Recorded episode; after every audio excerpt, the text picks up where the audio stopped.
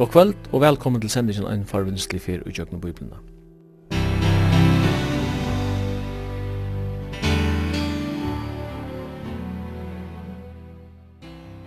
Henda sending er at høyre lindene, kvart mykje kvöld klokka 19 og endersendt vi er fyrir 17 var klokka 15.30. Og i studion er Simon Absalonsen og Jekman Zakariasen, teknikar er Tore Poulsen.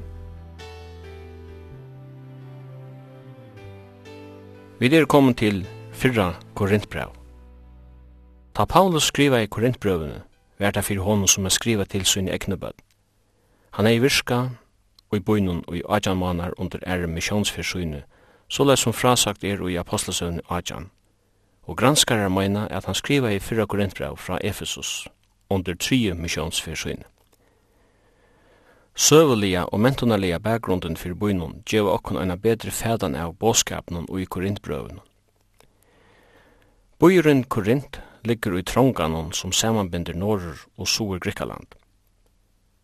Sunnafyrir er halvagen Poloponis, og Trondjen etla halsen her bøyren ligger hever vik bau megin, ester etter til Egerhavi og vester etter til Adriadarhavi.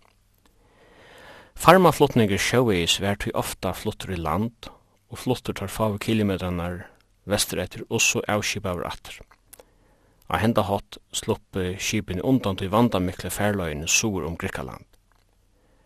Korint var såstak en tøyande bøyer for farma og folkaflotning bæg av Kjekve, mittlen Ester og Vester, og av landet mittlen Sur og Norr. Bøyeren var av som i årsøk en sera ryker, men han var øsen kjenter om allan heimen fyrir sin loa moral. Og i kjenta Apofrodite-templunum og i bøynun tante flere hundra skøtje trælkvinner og vunnet her stårar og opphatter til tempelet. Til hendan bojen kom evangeliet om tan krossfesta jötan. Og jeg undrer i at her var vi øtta og bivan at Paulus kom til bojen og fyr. Båskabren og i fyrra korintbrau fevner brøyt.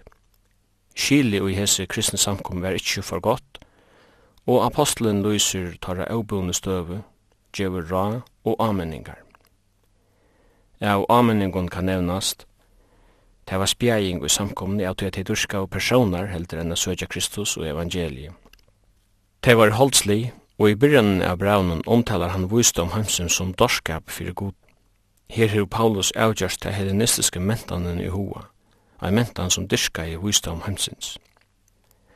Paulus gjevur leibøyningar om samkommetikt, og om ikkje ligger søk vi kvann annan, Han anminner om at liga med er tempelheile andans som er god sjálfur. Han gjev leibeininger om tjonale og om a liva avgifter. Vi les om astøyt om offer til avgodar. Han gjer nekburser støve kvinnenar i samkomne. Han gjev leibeininger om minnesmalt i herrans. Og i kapittel 12 og 14 tåsar han om ter andalige gavnar og om gosset der øyevra nyttar. Men i middelen hesa kapitlanar er kærlegans kapittel. Og i kapittel 15 så gjør Paulus som lærer og teolog. Han underviser om oppreisning av deg og om atterkomme Kristus her. Og i 16. og seneste kapitlen er halsander og imiskar ameningar. Og jeg gvann, vi tar vi et brev som fevner øyla vitt. Ja, man kan godt si at Korintbrevet kanskje virkir meira evner enn enn jeg andre brøv gjerra. Jeg alltid har så nekve trobelegar som skulle vidgjerast i sånne brevnen.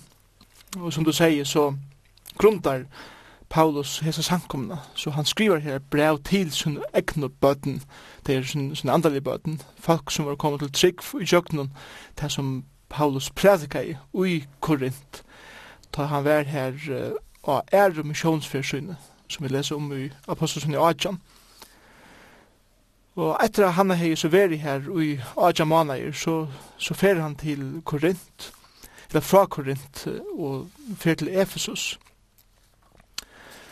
Um, vi vet at fra 4 Korintbrev 5 til dem, at her skriver han dem et brev, som et brev som enn ikke, eller som ikke er til langer, et brev som uh, var et brev for å skrive og at oppmuntra deg, og takka dem med fire til tøyen han var her til dem.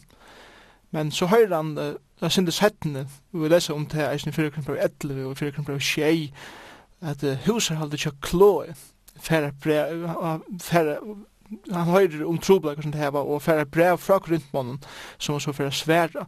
Og fyrir korintbrev er faktisk uh, et svær på tar troblagan som han høyrer om som er i korint, som er nekver, og eisne Det er skriva som er svære på det spurningar ui korint man heva imiskun eh, bevujkjande, særlig at det kommer til lærerna og imist kusse læreren som skal praktiserast ui samkommunløyvinen.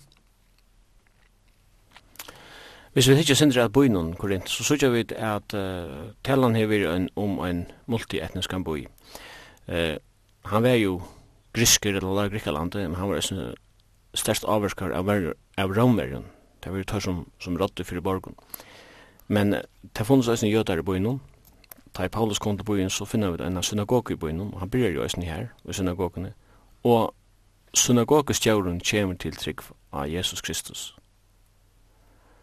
Og um, vi så jo også til at, at var utvistur ur Rom. Og det var her at han møter Aquila og i Korint. Eh, hvis vi tenker at bøynum Korint, heldur to at det er tøtning for å fatta grunnbrevet er vi så gjør det søvelig bakgrunnen for byen.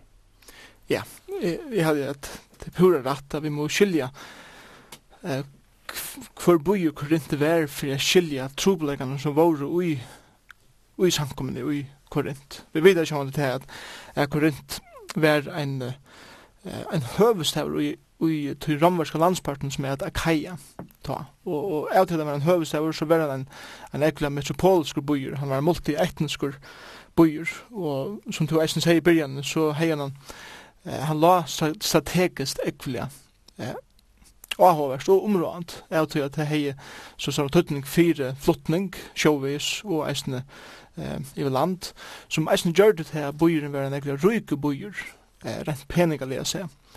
Og Er at henne var bøyer, så kom sjående nekk folk til bøyen, nekk folk av imskon bakgrunnen, som gjør det til at nekk var imskar hoksaner for at, at eikjenne bøyen.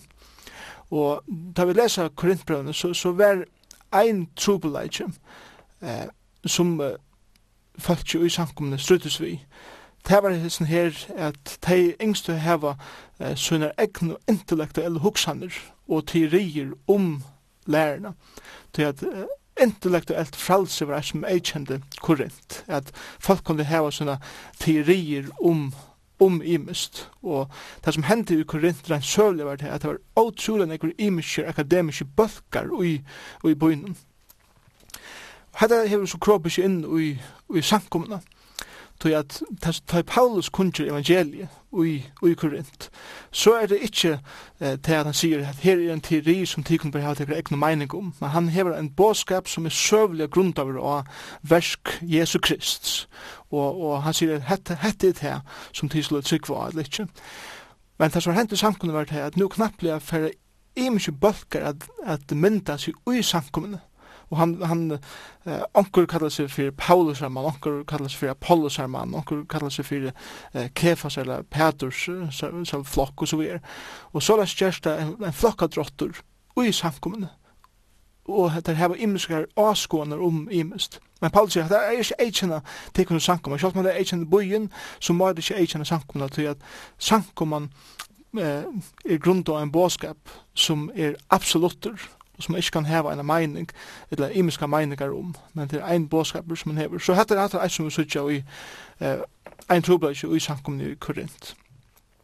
En annan trobladje som det er struttis vi var sjåvande til eh, da det kommer til det som er kjent i byen, vi kjent tempel eh, durskan i byen, altså eh, tilbyan av avgoden som var i Korint, og det stora templet av Apaphroditus eh, og, og så videre. Det, det hei over 2000 eh, kvinner som tanto og i tilbjørnen her vi har selja seg sjolvar og i tilbjørnen.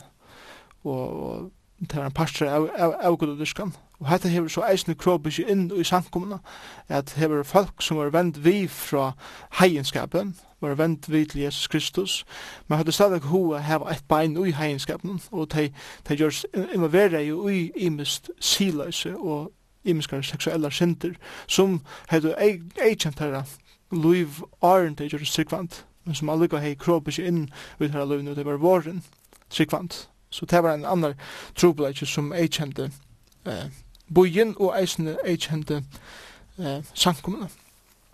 Et annet som jeg kjente Korint var til at folk var ekvelig kjølsøkje, det var ekvelig egocentrere, ekvelig individualistisk. Og det som hender i samkomne i Korinth er eisen til at de huksa meir om seg sjølv enn andre fyrst, som gjør det eisen til at de får uh, i ratten før vi gjør altså ut den allmänna ratten steg for at tega mål som hendur i samkommunni og vidgjere deg i, i samkommunni sjálvar. Og så det er en trobladj som man, som man fast eisne vi her bænt. Og uh, Kærleks kapitlen i 4 Korinther 13, det er ein kapittel som, som snur seg om, og som er grunda av på Kristus, er virkelig skal hver annan, hver annan. Men de hugsa fyrst og fremst om seg sjálf, men kærleikin sier at de skal fyrst og fremst hugsa om ånder, og elska ånder tredarest. Hetta var eisne en trobladisen som de det strides vi. Så her sørger vi nekvar imiskar trobleikar som var i sankumina, og grunden for at trobleikar var, var i sankumina, var til at de var så avvirskar av det som, eller tog som ei eikjende byen, rent, kulturelt, eller mentanellet. Det stender jo i brønnen at ta i øyne i Kristus, så er han nødgjeskapninger, og det gamle er ferdig, og alt er vore nødt. Men man ser ganska oj oj just ner falken angastande bättre än just här att att själva om folk blir frälst för den nödjon så här var det stadigväck det samma sinne som det de skulle vad ska man säga arbeta på för att få ett, ett nytt sinne som att det var sjönde en stor uh, trubbelage oj oj korrekt akkurat det här att de de Det er dotter ikke, jeg tykker en trobelage i Korint, det er nemlig som du sier, Og, og det er kanskje høves eller råten til allar hina trobladene, til det at de dødde ikke suttja eh, hvordan og medalja underfullt tar han nødja liv vær, og, og hvordan, hvordan størst eh, ta vær er vær vær bliven en tryggvandi og være kommet inn i en vi, vi god sjolvan, vi Jesus Kristus og, og tøy har det enn hva henko ui som gamla løyven og det skiljer ikke veldig at, og som Paulus har sin vidtjer ui som brann at nu er tid våren bostav heilig andans. God hever tid tidsi sin bostav ui tikkun og tøy eier tikkara lik kan man være brukt til at æra god vi og ikkje til at at uh, synda vi og at livet tikkara gamla løy vi Kristus bor i tykkun, heile anden bor i tykkun, til det finnes jo nytt liv som tid nu eier at, at fua, som, som tid fua vi at vi er fyllt av andre gods, som tid fua vi, vi at vi er åpen for til åpenbering som god til vi givet tykkun, vi åren, vi er veri ui åren, og vi, er veri ui hånden. Og jeg tror at det er eh, tjattnan til alle henne troblegane, Det er ikke skilje at Herre anden bor i meg, jeg har nytt liv, et nytt liv som jeg nu skal leva sammen med Kristus. Og, og tog vær til at det var nekva synder som jeg kjente her samkomna ui, ui Korint. Seksuella synder, det var uh, folkadrottor, det var ratting for vi øron, det var sjålsøgjen, uh, det hukte nyer og tjuna bande, og hilde de kunne bare eh, skifta partner aksjon det hadde ho det de kom til borherrans overdia det er at de tok sin egna med vi, sin egna eh, drikkjøver vi, og glemte kanskje at hinne fatøkker i samkommende, og bara hadde hu at, at danna kliker i samkommende, og nekvar er trobeleikar. Eh, Lådet hei teka rei i sin liv. Eh, det som hendi eisne vært hei at så stod det helst skilja rujtjudum som de høtti i Kristus, at det finnes andalige gaver er at hana Kristus vi, de misbrukte andalige gavene, de misbrukte einleikan som åtti at eikjenna sankna nu til våre eit i Kristus, og alt det her grunn av til at de ikke hadde skilt, at de våre serstøk, at de hadde god nu byggfandi i seg, og de kunne hava et samfunn beinleis vi han, og og så les ut i huset eh, til at synd skulle roa i av livet. Det skulle jo ikke. Kristus skulle nu roa, men det er du ikke skilja hvor Kristus vær nu han bor jo i teimen. Man kan säga att han var inte homogener, han var multietnisk som vi där var inne på. Och det samma var galtande för, för samkomna och i Korint. Men det tidligast allhugavan som att de flesta fattigene som vende om tro evangelien og blir en parst av samkomna Det er folk som har hørt til den lagra staten vi bøyne Korint. Det er aldri man kan sutja fra fyrsta kapitlet her sier Paulus To hitja kattlikara brøver tidir ikkje mennesker viser etter holdunum, ikkje mennesker mektir, ikkje mennesker haparnir. Nei, det som var heimen og dorskaper utvalde godsær fyrir a gjerra hinna vujtsa til skammar. Det som var heimen og vakt utvalde godsær fyrir a gjerra sterska til skammar. Det som heimen hei luita tuja, hitt vannverda, det som ikke var utvalgte godsher for å gjøre til ikke sted som var nægge, så ikke hold skal råse seg for god. Det er ikke jo så at, at ta, i Paulus kommer til byen, så, så er det først og fremst de som eh, så ikke at de har tørv, en tørv av nøkron i sin liv som kommer til trygg. Og, og jeg tror at det er generelt eh, en sannleik fire eh, ta, ta vi boa kristendommen enn i det ofta er det folk i, i en lagre standard som, som gjør oss til liv til Herren Jesus, av til at hei du er bedre suttja tørven som de har i livet etter eh, nøkron, hver kanskje eh, til de røyk og halte at jeg har ikke bruk for nøkron om min liv, og det var det som, som jeg kjente i eisende i her Korint. Korsene, jeg visste jo at det har vært folk i, i Jesus Sankt her som eisende heva eh, rent sosialt seg, haft alt som det har bruk for. Jeg har lest til dem i 11. kapitlet om eh, kvöldmålt i herrens, til at de kommer saman, jeg minnas herren vi breie og vi vune. Så sier Paulus her i, i 11. kapitlet vers 20. Nu tar det komma saman er hetta, ikkje at eta kvöldmålt i herrans, tar vi kvöldmålt henne teker kvör sitt egna med framan undan, og ein sider svengur, annar er drukken, Hava tid ikkje hus at det er til a drekku i, eller vannvera tid samkomgås og gjerra til skammar som ikkje hava. Hva skal jeg sige vi tikkun? Skal jeg rosa tikkun? Og hesen rosa tikkun ikkje. Det som man faktisk sier her er til at det som jeg kjenner nu kvöldmålt i herran, så det kommer saman av minnes herran, er til at nekv at heimun som heva meir enn ånder, til det ser ut til herran sier at det er summer som ikke heva og summer som heva enn rikven at bæg at etu og drekka, at hei som heva nånegv heva hu at danna enn kliko, og tei sida for sjálv og etu drekka, og tei var så negv, tei var iverflå, og tei var eisen iverflå og drekka, at tei gjerra strutjen, så her en trobeleitje som er, medan hinne som kanskje ikke sleppa opp i parst her bænt, eh, færa heima til sveng, til at hei, hver kommer vi i nøkron, eller for å stave i nøkron, og, og Det som Paulus argumenterar i ætlende kapitlet, og i samband vi kvöldmålten er til, er til at tisle eidas fyrir at boa deg og opprens jesser, men det som du gjer er til at de danna tekkar ekne kliker, til uh, gjerra mannamun, og til gjerra eisen til at de drekka dekken full og eda dekken kan man godt sige full, men ånden for sted av i ånden. Og det er ikke en rødt representasjon av hva det er som tar vi boa av Jesus Kristus er det for alle mennesker, og han er gjør sånn sottmann som er for alle mennesker at, at njóta av. Og så her sørger vi at, at det er eisne en stattarmoner som er stor tropla her i samkomne i Korint. Man kan, man kan si at det er kulturarven i Korint som det har en tropla vi. Mm Ta i evangeliet kom til Korint første fer, eller Paulus kom til byen som vi leser om i Apostelsund, ta kom han ur Aten, og, og i Apostelsund sier han har han haft en, en åredrott av, av Areopagos, vi vismennar i Aten, ta i han ta seg om uh, henda god som hei skapt alt og som det levde ur rørdest i, og han er ansettan det at han skal døma gjerrer vi mann som han har sett til det, og heter han prekva vi var røys han oppfattet med deg, Og grikkane lurta inntil han hørte om opprøst dem deg, så tømte ikke høyre mer, de, så har tvall tømte ikke lurta etter. Han får så ur, ur Aten, og nasta sted er Korint. Og Sjalt om apostlasøven ikke sier hva det er fyrir fram og i sinnen og i tanken av Paulus som har ferast med å bo innom Korint, så avslørar Korintbrevet hva det hendte. Han sier, ta jeg kom til tikkara brøver, kom ikkje som møstar i tali og eller vist ham ta jeg kun gjør tikkun vittnesbord gods, Tog jeg sette meg fyrir ønske jeg vita mitteltikkara utan Jesus Kristus og han krossfestan, og jeg var tjatikkende vøygleika, øtta og miklare bivan.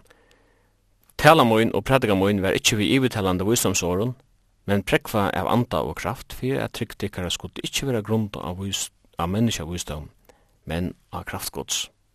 Hetta sier det som hver, hver vantar Paulus Metti han var utfyrir, og han ville gardera seg helt og fullt via prædika Kristus krossfestan det er ikke just, ikke just så og, og det er så metoder som man brukar herbant, og, og Særlig han, han tåsar om oppreisna og disse kraftene, som oppreisna kraften er, så ser det ut til å være en spurningur som Paulus sverar i som braun, til at han brukar, sjån den hele kapitlet, tåsa om eh, oppreisna, eh, fra dem deg oppreis Kristus er.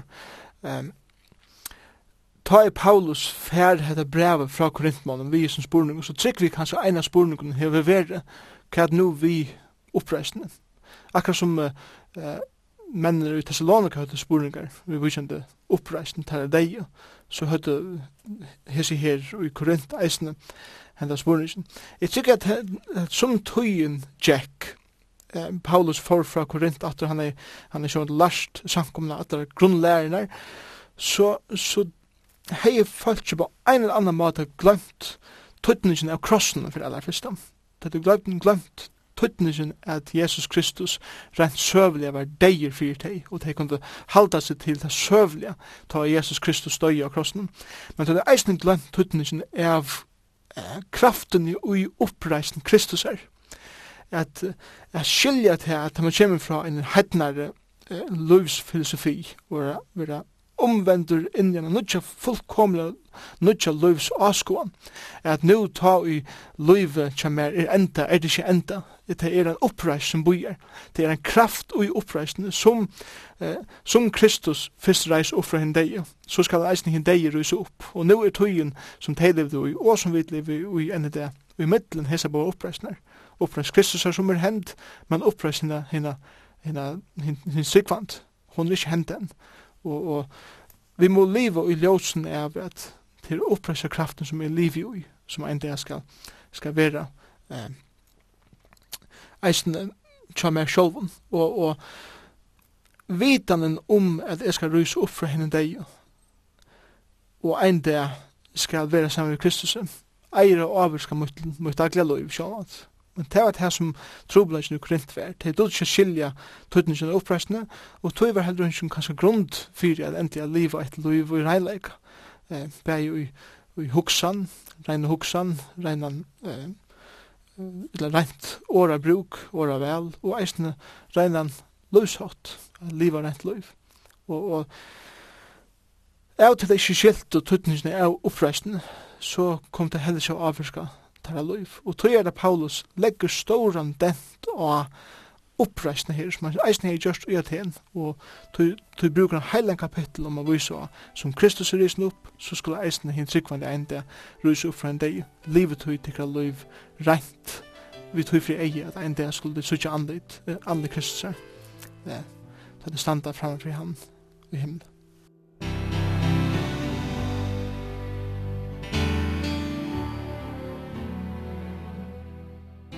man ser at det hadde bruk for en holdningsbrøydene og en egen område i livet. Eisen til det kom til seksuell moral.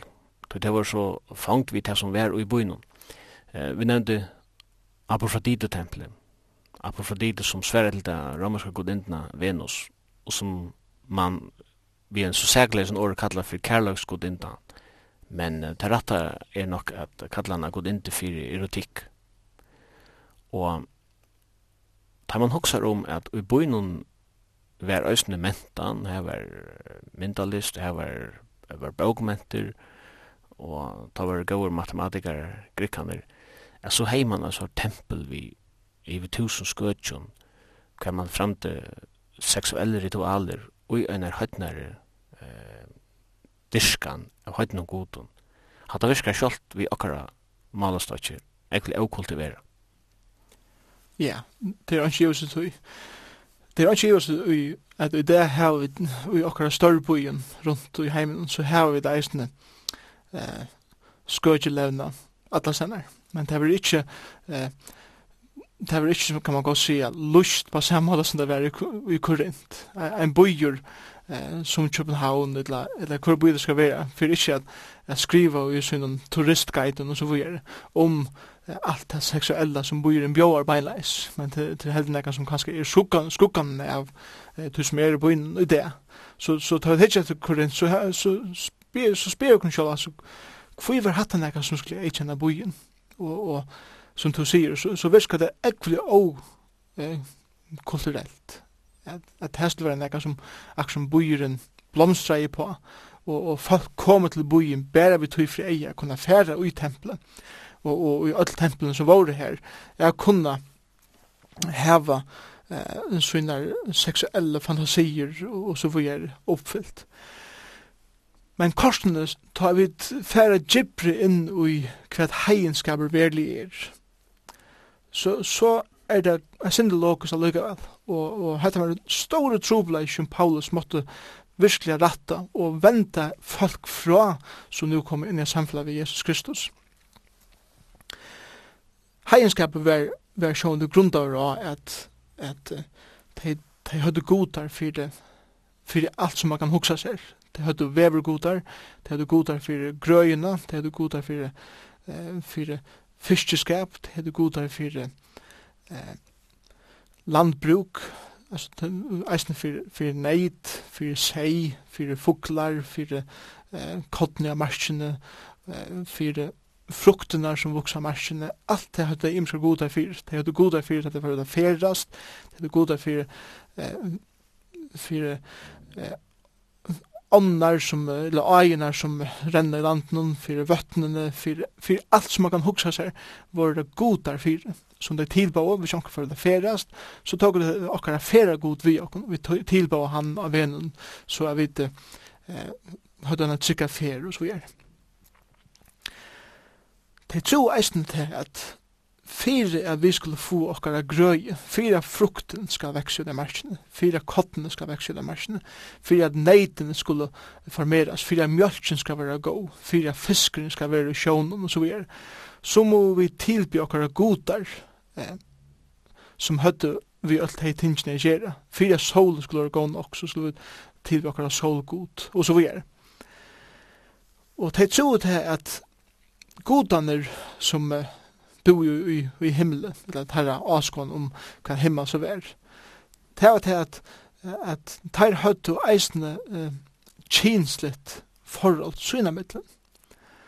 Og det var lærst i tempelen og i heimskapen at om vi som mennesker heva eller diska okkara seksuelle lister hver vi annan, Og det var tøy at tempelen høyde disse skøtjenar i tempelen, fyrir at folk som kom til tempelen tilbya, kunde så heva seksuelt forhold, kinslig forhold, vi skøtjen som var her. Og som tess meira eh, kinslig forhold i høyde hver vi annan, så fortell at etja gotunen som er i himmelen, er eisne at heva seksuelt forhold syna mittlen. Så det er akkurat det som det søtte at det er akkurat seksuelt forhold, fyrir at etja gotunen himmelen til hava seksuelt forhold.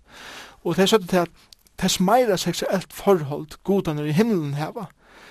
Derfor er gjerra til at tess meira fisk fyrir vi det heva i hevnen, tess meira eh, neid fyrir vi det heva marsjene, tess meira kodden fyrir a veksa, tess meira fruktur kommer vi det heva marsjene, som om at, at, at de tro til at, at avvoksen av av landbruken, eller avvoksen, eller mongten av fiskjusjonen, var grunn til hvordan det er seksuelt forhold godaner høttu. Og tog var eh, skøkjelevnaren i tempelen eh, sattur som en utrolig områdande pastor fyrir at vi kunne hava okkara business, okkara futjarskap, grunda av öllum som vi selja og öll som vi få og så vidare. Så, så her sørger vi at ikkje vær bare skøkjelevnar bara nekka luxuös som man kunde komma til og bara få sånne seksuelle lister uppfyllt at man kom til Korint.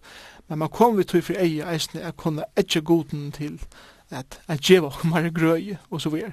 Og så kan man hugsa okkur at ta eis som ver frelstur, så skal han venda seg fra oss her, og knappt han nå kommer inn og lærer hver, hver lærer her bare ein god, Det er ikke flere godar fyrir alt dette imska til ein god som er en livande god som du kan heva et, et innerligt samfellet vi.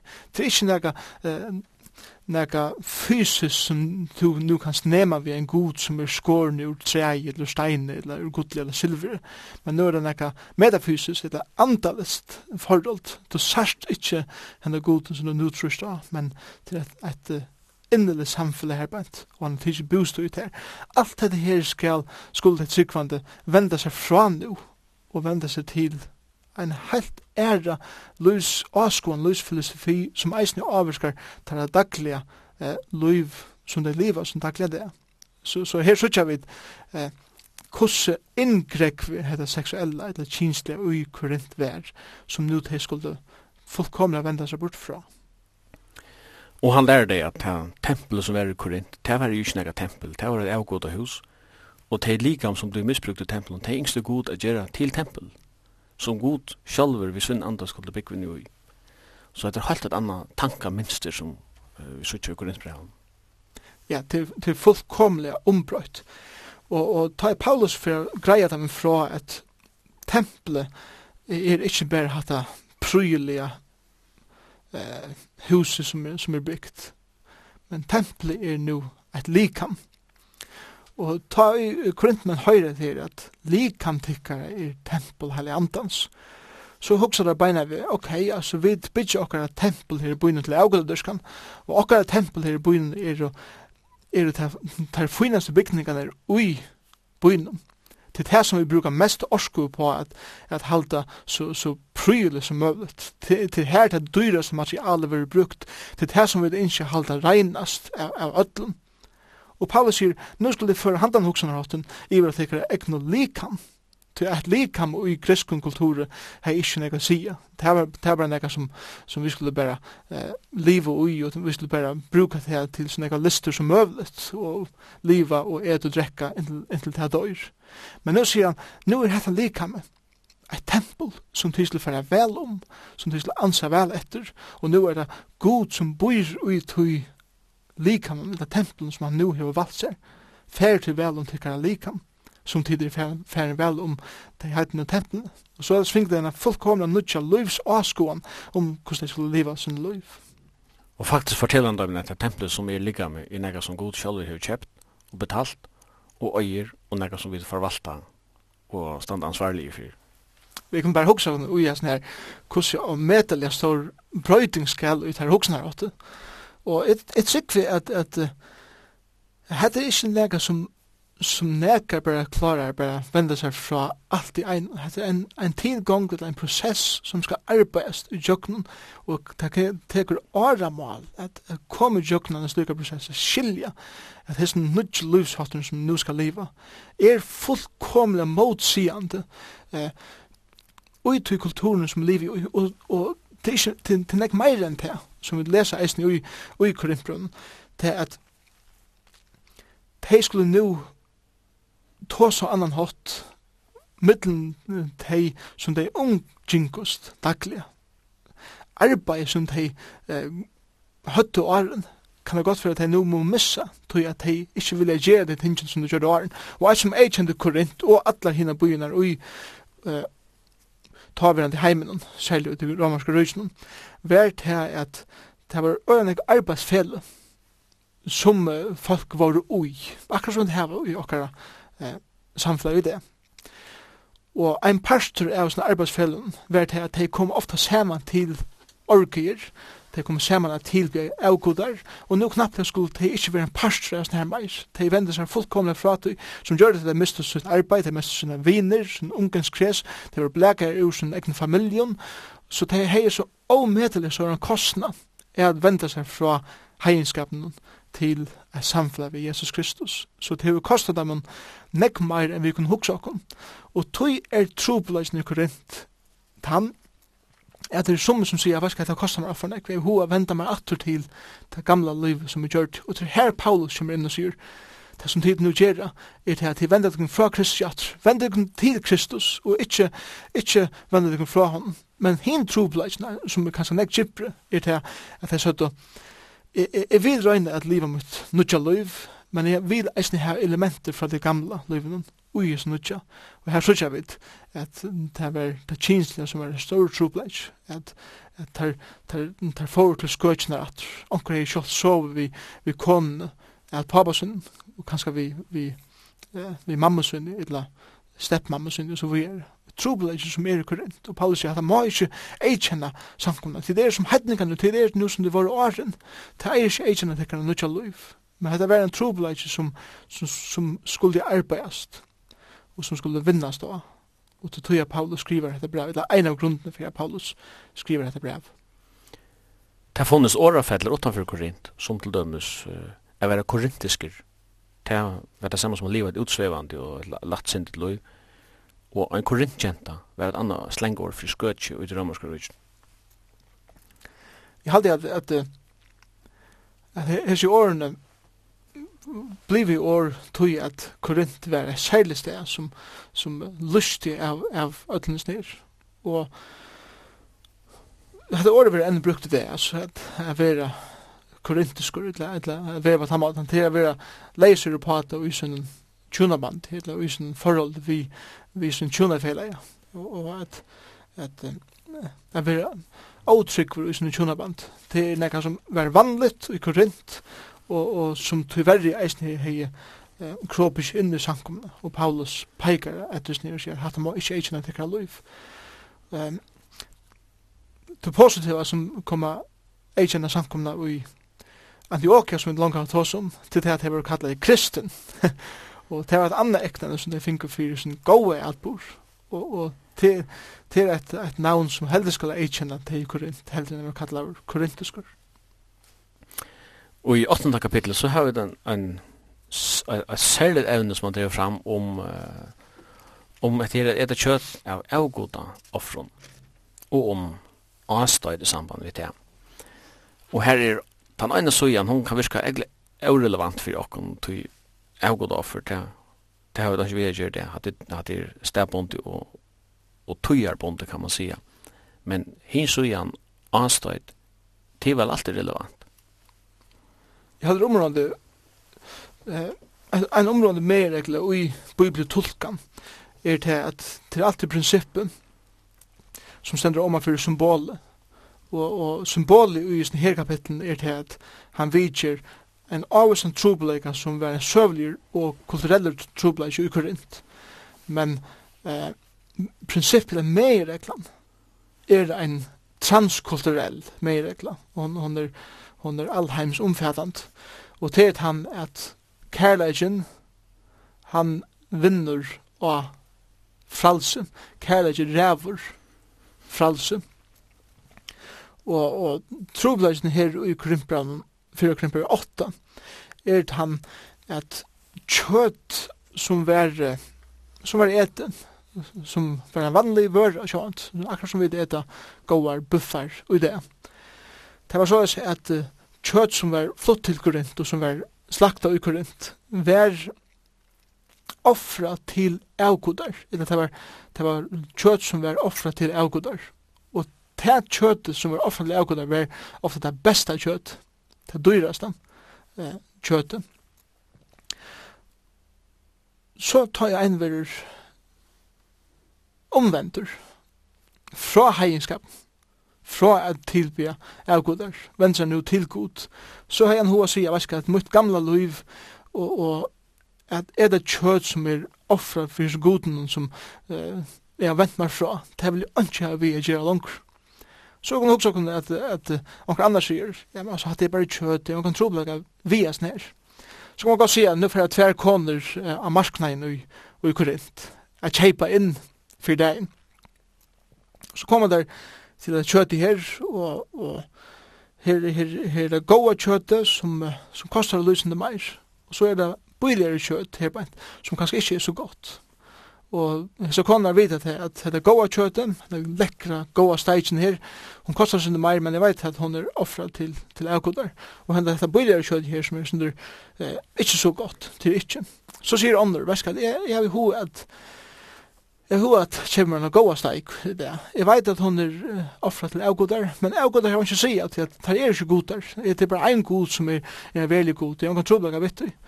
Og hun kjøper til kjøtt Men nå er det hin konan som sier til at jeg fer aldri å kjeipa neka slukk kjøt som er offra til avgudar. Jeg vil heldur, heldur kjeipa til bøyligare kjøtet, og, og, som kanskje er verre, og heldur etter til.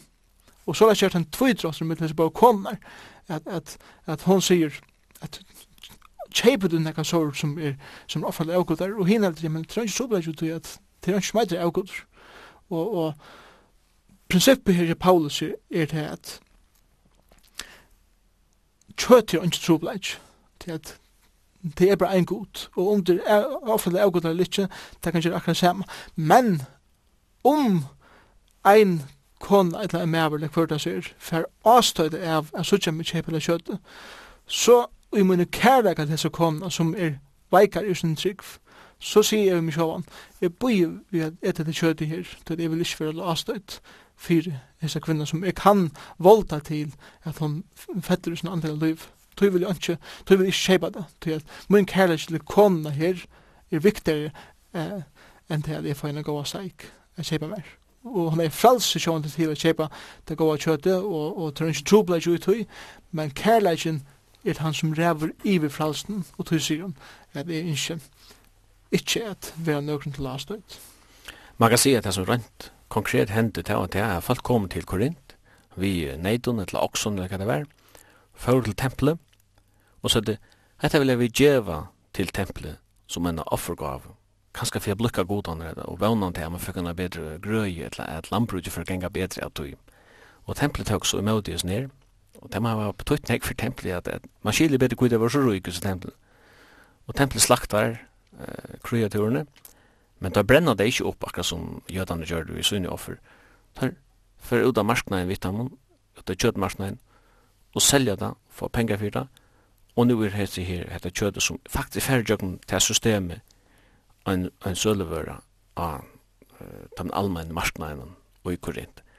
Og her er det en problem oppstender, skulle vi teka med i sin kjøden og kjøyba det og eda det, det heter er noe som heter godskapninger, etla ska man säga det färre jögna hata system här tror jag inte jag vet att göra. Det är problem. Det är problem, ja. Jag läser också när att det är bäst och det är bästa recensioner i byn som säljde det bästa sajtserna var recensioner som var faktiskt fastar i templen. Det var en pastor av tempelbyggningen och, og vi vill också sakna at ein hur bjöd en nörden ut till dövran Og han har ho at se varsken er forbjøret her til det aller beste stedet i byen. Her som du fast, fast er beste seisner. Men det er altså i hessen heitna tempelen. Og, og det var det eisen som valgte eh, avstøyt. At en som kanskje var omvendt fra at han var ved i tempelen. Han var aldri ferdig slukk sted etter. Nå knappt i bjør her til. Og, og det som det kan gjøre, og han vil ikke fære, og, og så kanskje jeg viser dem til henne som er bjørnen, jeg bare sier, at han bare fære til andre sted, for det ikke vil låst ut. Men, men allega det som, det som er avverst, til det at det kunne godt være det samme kjøttet, det er bare akkurat kjøttet, jeg vil gjøre tempelet, jeg li her enn natt, og så var det fære til marsknein, og, og kvaliteten kunne kanskje godt være det samme, men det var bare til at det er li i tempelet enn natt, og det var, eh, Det var eneste måneren. Kjøtet kunne godt kanskje være akkurat det samme. Og her, her sørger vi kanskje meira hukkvoren tja menneskjon. At det er mennesker som ikke var kommet her til a sørger at dette er bare Guds skapninger som nu er dripen, som er til okkon at eta. Og det var ikke kommet her til enn å sørge til at til det eneste det er, og ikke noe meira enn det. Og, og Paulus sier greit og klart at vi må i okkar kærleika teka um, hensyn til sluk mennesker. Og jeg tykker at det er et godt, godt prinsipp at hugsa om um, eisne tjokkene det. Hvis vi skulle aktualisera nega ur fyrra grint 8, så er det just det her spurningen om uh, å være verden og ikke være landstøyt. Ja, jeg tykker at vi skulle være verden hvordan vi lever akkurat liv. Og vi tar var sjående det ångan trobelaga vi, vi kjøte til åkken og i det. Men uh, det kan være uh, andre kulturelle ting til åkken, eller er er loter i okkar samfunn som kunne kanskje være en last ut. Og her også kanskje om eh, et som alkohol til dem. Det kan være en som har haft trobelager ved alkohol eh, som er omvendt og han er bjergaver fra alkoholen tøy er det avvist av en ørensikrande av bjóa en, en som er nu omvendur, som ikkje vil hava nekka vi alkohol og gjerra langt, av bjónen og en bar, eller bjónen, vun, eller hva det skal vera, hvis det kan være lastøyt, så, så er heldig å si at jeg ikke ikke gjerra her, for det ikke vera til lastøyt, for, for vi kommer til, eller ikke ikke drekka alkohol framfor honom, eh fyrir sjálva lastet. Ikke det at at den er dopen moral støyt, men eh fyrir ikkje vel lastet Fire andre som kanskje ikkje vilja gjøre det. Så gjør det ikke til han er til stier eller hon er til stier. Han sier i vers, eller i kapittel 20, så det er vers 13. Anki frøsting er kommet av tikkun utan menneskelig, og god og trofaster. Han skal ikkje leta ikon vera frøsta ut om det og i tider ment, nei. Han skal saman vi frøstingene ger øysni utgångene ur henne så til få talt henne. Flutje tui avgoda durskan, elska av moine, er tale til tikkara som til tei og du a kina, døme sjalv te som jeg sier. Det som man, det som man ser at apostelen gjør er det, han, han appellerer til folk om sjalv er utviklande andelig dømekraft. Ja, det er ingen ive om det. Og, og tog er det at at evne som vi ser som vi tar som er så utrolig individuell. Tog at det er et individuelt samfla vi god og eisne andalighet som vi må utvikla. Det er det samme som det er vera folk som kommer langur enn ånder i okkara livet som vi Kristus. Og hetta verset som du just les her i 20. kapittel vers 13, «Ongen frøsting er komin av tikkun utan menneskjallig.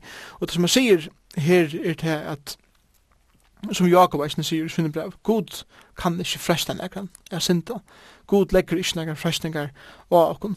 Og han tåsar her i 1000 kapitlet om frestingar, altså eh, frestingar til eh, siløse, altså holdeligar frestingar, og så videre. Og, og God legger ikkje nekran slukt av okon, men God gjør okon utvegin ui frestingun. Han er han som gjør okon teg anboin som skulle til til a stande mot frestingun, Men så sier han samtidig i fyrstende og ørende at som god djever til kun uh, utveien til å vinna fresting, så er det eisende en uh, lotur som mer Jeg bruker mine egne dømekraft, mine egne sunne fornuft, til at flutja, og til det som han sier her i fyrsten døren, flutja tog av gudandirskene.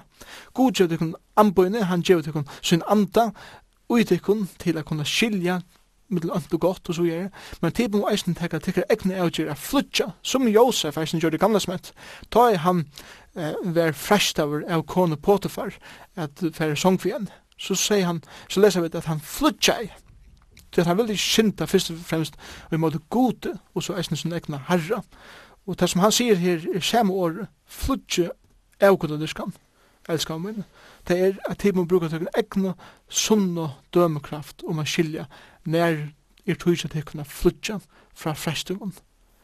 Og, og til det som okkar individuella samfunn vi, vi Kristus hjelper okkar a kina hva er ønt og hva er godt, nær skal du flutja og nær skal du sanda opp. Han sier også i kapitlen annar for tid tog eta enda drekka, etla hva de gjerra, så gjer alt gode til dord, veri ångon til avstøyd, hver si jøden, grikkon, etla samkommer gods, Så les røyn i æsni i öllun er vera öllun til vildar, og søkje ikkje te som er sjolvun eller gagn, men te som hinne mong eller gagn, fyrir at de kunne være frelst. Hatt er absolutt en hukkbord man kan læra enn av. Ja, jeg hadde nemlig et vers her, eh, einrunde ørene som du leser her, bent, i fyrkron fra Tudje, anna kvars tid nu edela drekka, hadde akkurat trobleis som han hadde tås om, fra 8. kapittel i 18. veien, nu her til 12. kapittel, etla kvæti så gjer, det er akkur som han, han gjer så utrolig breier. Vi gjør nøyren, eh, Lika mykje hver avtyr til teka, om det er et kjøtt som er offret til avgodar, eller ikkje. Hva er det som drekka, eller ikkje. Hva er det som gjerra, hva er det som færa, eller ikkje. La det alltid være grunnt og isen her. Hetta som er ete, hetta som er drekka, hetta som er gjerra. Fyr hetta dyr med den navngods. Og jeg sikker at det er for å hjelpe åkken at du er utrolig vel å avskina hver vi avgjør, hver vi avgjør affæra, hver vi avgjør at gjera, at eta eller drekka, eller hva det er. For hette at dyrme det navngods det er, for hette at, at seta navngods mot samfunnet vi god og gjør godt ljøs, eller ikke. Og jeg sikker at om jeg spyrir meg sjåa hendas spurningen i det, så for det at, at, at avgjør egnan ek hver just stø er kom jo i, hverje år jeg velger å bruke i min malbruk, hver er, er, er dretje. kanskje særlig dretje i akkurat samfunnet, kanskje ikke nek hva de etter, um, og så videre. Så sier han, vær i ångkon til avstøyt, så her sier han ene for at, hukse om de som du lever sammen vi, Ikke være så egocentreret at det ikke lett i ånder, til det kunne være øren til avstøyt, at det gjør at det, kunne fedla i sin trygg, og, og, og det bråta sin egen sandvisk. Så her er det kærleksbøy som, som ræver. Av til at de elskar god, og til det elskar menneske, så ser det kanskje omkring grenser uttrykker egna frelse, fyrir seg være øren til avstøyt. Og så sier han, så såleis røyne i eisen i ötlina vera er vi öllum til vildar, og søk ikkje det som er sjolvun er til gagn, men det som henne mongo er til gagn, for det kunne være frelst. En fantastisk hukbor han hever her beint. Og dette er Kristi hukbor.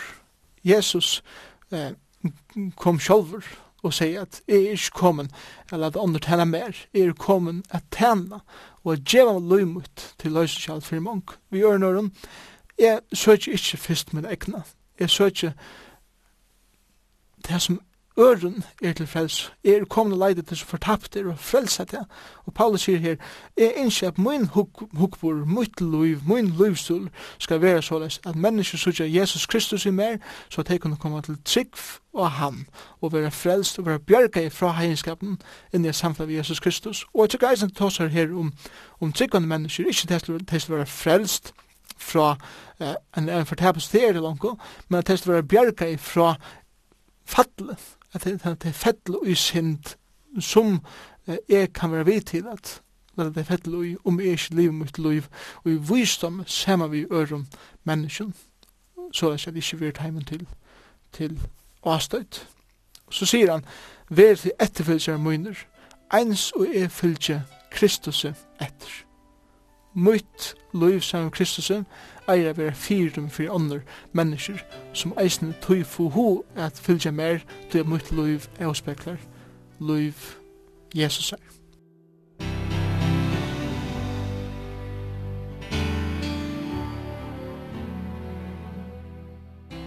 Det er nekvi brødren av Paulus som er, man kan sija, er ikkje tøyar bondi på negra mat, han underviser om rett og skjeisna trygg og sånn, og tek aldande til alla tøyar, men, men så det givet at det finnes eh, det finnes imes ting som han skriver som er, er stedbonte er, er bonte at tøy og sted og så framveis og Korint var jo en særlig bojer og man leser ikke landet i Korintbrand for man ser er, er særlig brev då han omtaler ting som han faktisk angar seg nevner i hinne brøven og 11. kapittel er som så heldig ikke nekka undatek han seg om øyne nekka om støvene til kvinnene og hvert er så innom Og et hotak som man kjenner innenfor bibelgranskan er det det kallar exegesa og hermeneutics. Hva betyr det i åren? Ja, uh, hermeneutikker, altså det er uh, et grekstår som helt einfalt mestrer at utleggja, at tolka nega. Og rent praktiskt er det her så en, en, en vei for seg sjolvan i det. Uh, Og, spurningen er, hvordan utlegger vi skriften der? Hva er mer regler fylgja vi om vi skulle komme a skilja hva den opprunalige høvendren sier til sånne opprunalige lesere. Det, det er eh, til det som vi gjør at vi pakserer utlegging. Og, og mer regler her er alltid at jeg og i 21. ølt må ikke komme til teksten i skriften, vi munnen 21. aldar hukbor vi munnen 21. aldar eh, uppfætan av munnen egna kultur Og så har vi ho at lesa 21. öld, eh, til okkon i fyrjun, eh, førska mentan, førska sier og sånne inn i skriften der. Og ikke okkon her, i fyrra krimpra er det så inn i en fyrstu aldar situasjon og i en greskun kultur, den greskar mentan, en greskun huksnaråte og livihåte. Om jeg kom vi min føreska eh, mentalitet og huksnaråte inn i et her, så kom jeg eh, inn til bergdettnar, vi kom inn av skaivanhåt, kan man godt sige. Så jeg tar i langt komen vi noen kulturellen avgjøren og kriterium som vi leser inn i teksten, og, og det er et år som kallar for eisegesa. Eis, det er greske år for innui. Det er at jeg leser mine hoksan innui teksten, som, som gjør det at jeg tolker bøybna vi en førsk hoksan åt, som er skreift. Og i hermenetikke må jeg alltid komme til bøybna vi tog for eia, her er jo en greskun kultur i krimpranen, i fyrste öld, i en greskare mentan, i greskun løvstulje og hoksnar.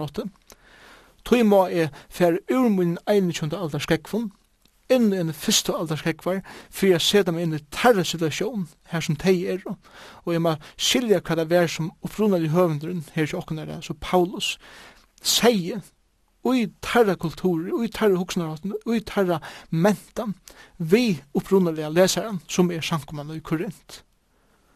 Og i ljósen er omstøvene som er i bøynen, Og så lest skjer i exegese, og, og gresk året ex, det betyr sånn ut ur. Det er at jeg leser ut ur teksten her, men at jeg holder ur teksten og det som den opprunalige skriveren, eller høvendren, sier vi den opprunalige leseren, eller høyderen, og skåren.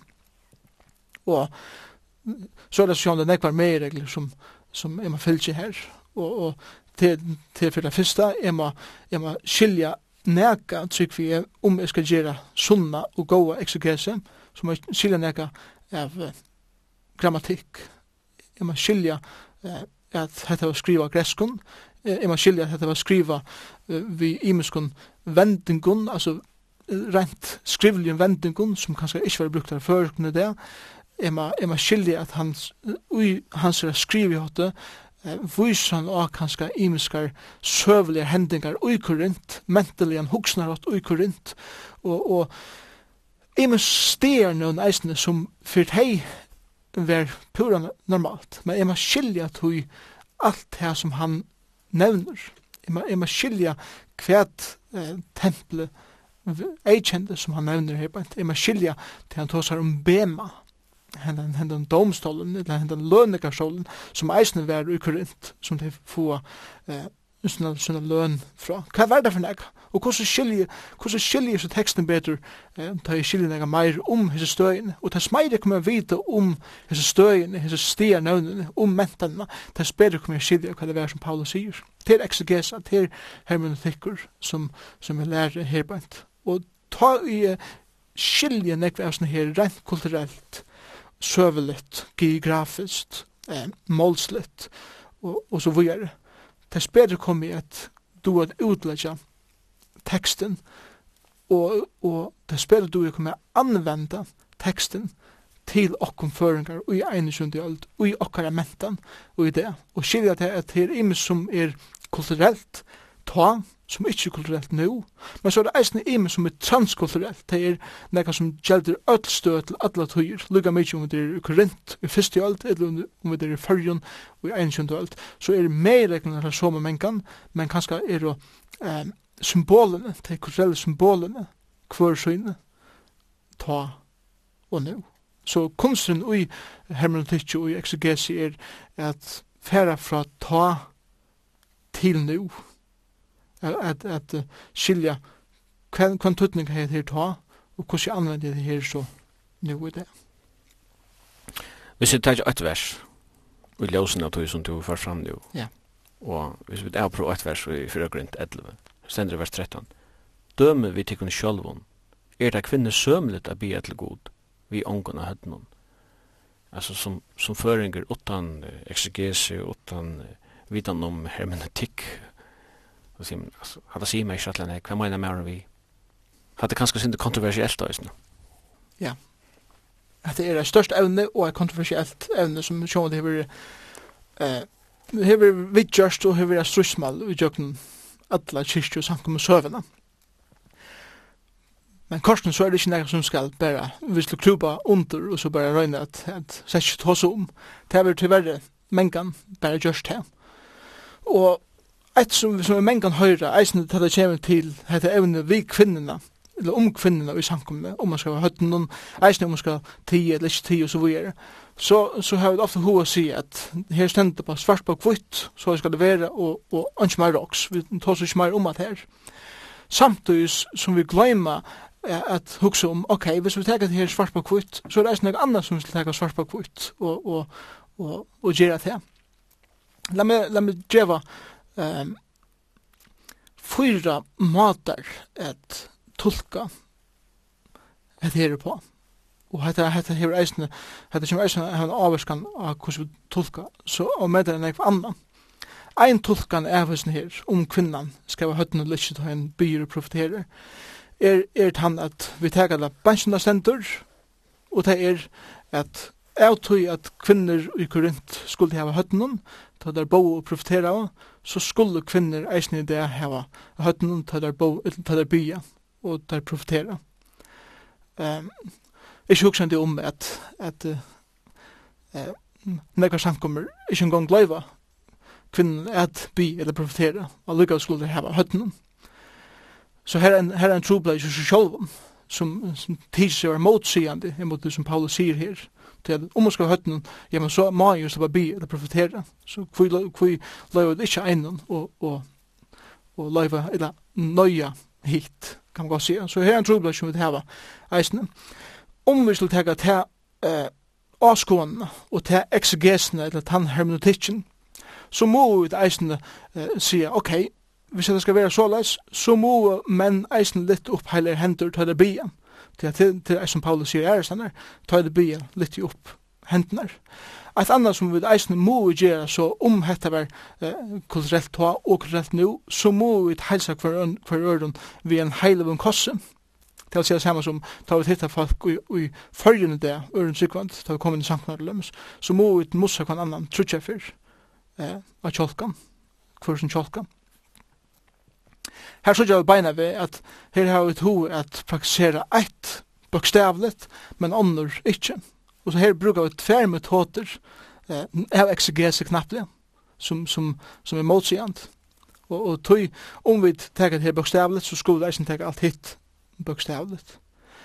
En annen avskån er tann at hette er kulturelt i Korint, kvinnar i Korint skulle hava høtten til å bo og profitera av, men hette vi ikke vi akkar kultur a gjera langur, så, så kvinner ter, ter pjøs ikke av høtten det, ter, ter um, kunne gjera akkurat som der vilja. Det som Paulus sier her, hever ongan tøytning fyrir okkun i det. Det er så ein avskån. Eh, det er eisen trobleikar ui tøy. Det er så, så først ut ui det at du får si, ok, så kan jeg faktisk velja sjolver eh, hva ikkje vil hava til å være kulturelt i det, og så bare avvisa alt som Paulus sier innenfor sånn ek ånder områd, så kan så knappt å komme inn og til det kommer til giftarmål, at, at, at det som Paulus sier var bare kulturelt ta, og, og så heter det ikke vi mye tjonaband, er ikke det, og så videre. Så her er en trobla i eisene. Det tredje avskånden, her som vi vikjande, er han at vi sier at Paulus hei et symbol her, bænt som hei vi vi har høyt å gjøre til kvinnan be og profetere igjen. Og det samme er sannleis i det. Kvinnan hei et slør ta i tøyne som dekka i alt hødde og som fornyer eh, faktisk av ryggen som dekka i alt harre. Så symbolet er der, og meireglan er eisen her, og meireglan ui fyrir fyrre 11 er at han, at kvinnan skal vera, skal vise undergivn, det er meireklar, meireklan som er symbolisera ui at hon hei hødde dekka ui hennar kulturen. Så tega vi at her i okkar kultur sia at meireklan er den samme i det. Vi bøyla der her kvinnan skal være skal vise undergjun. Og symbolet skal eisne iverføres av en eller, hånd, en eller annan hatt av akkurat kultur. Og tog sier uh, i minska samkommer det at kvinnan skal hava hatt av høtten. Det er det samme som at uh, det behøves ikke være slør beinleis som, som dekker alt høtte og fornyer ryggen, men det kan være en hattur, og, du kan færa i en handel at jeg kjøper den hatt. Et eller som jeg har sett er det sender, du legger en hatt en, en lutlan hekla en duk upp på høtten, det vi sannig i Amerika til lømmes.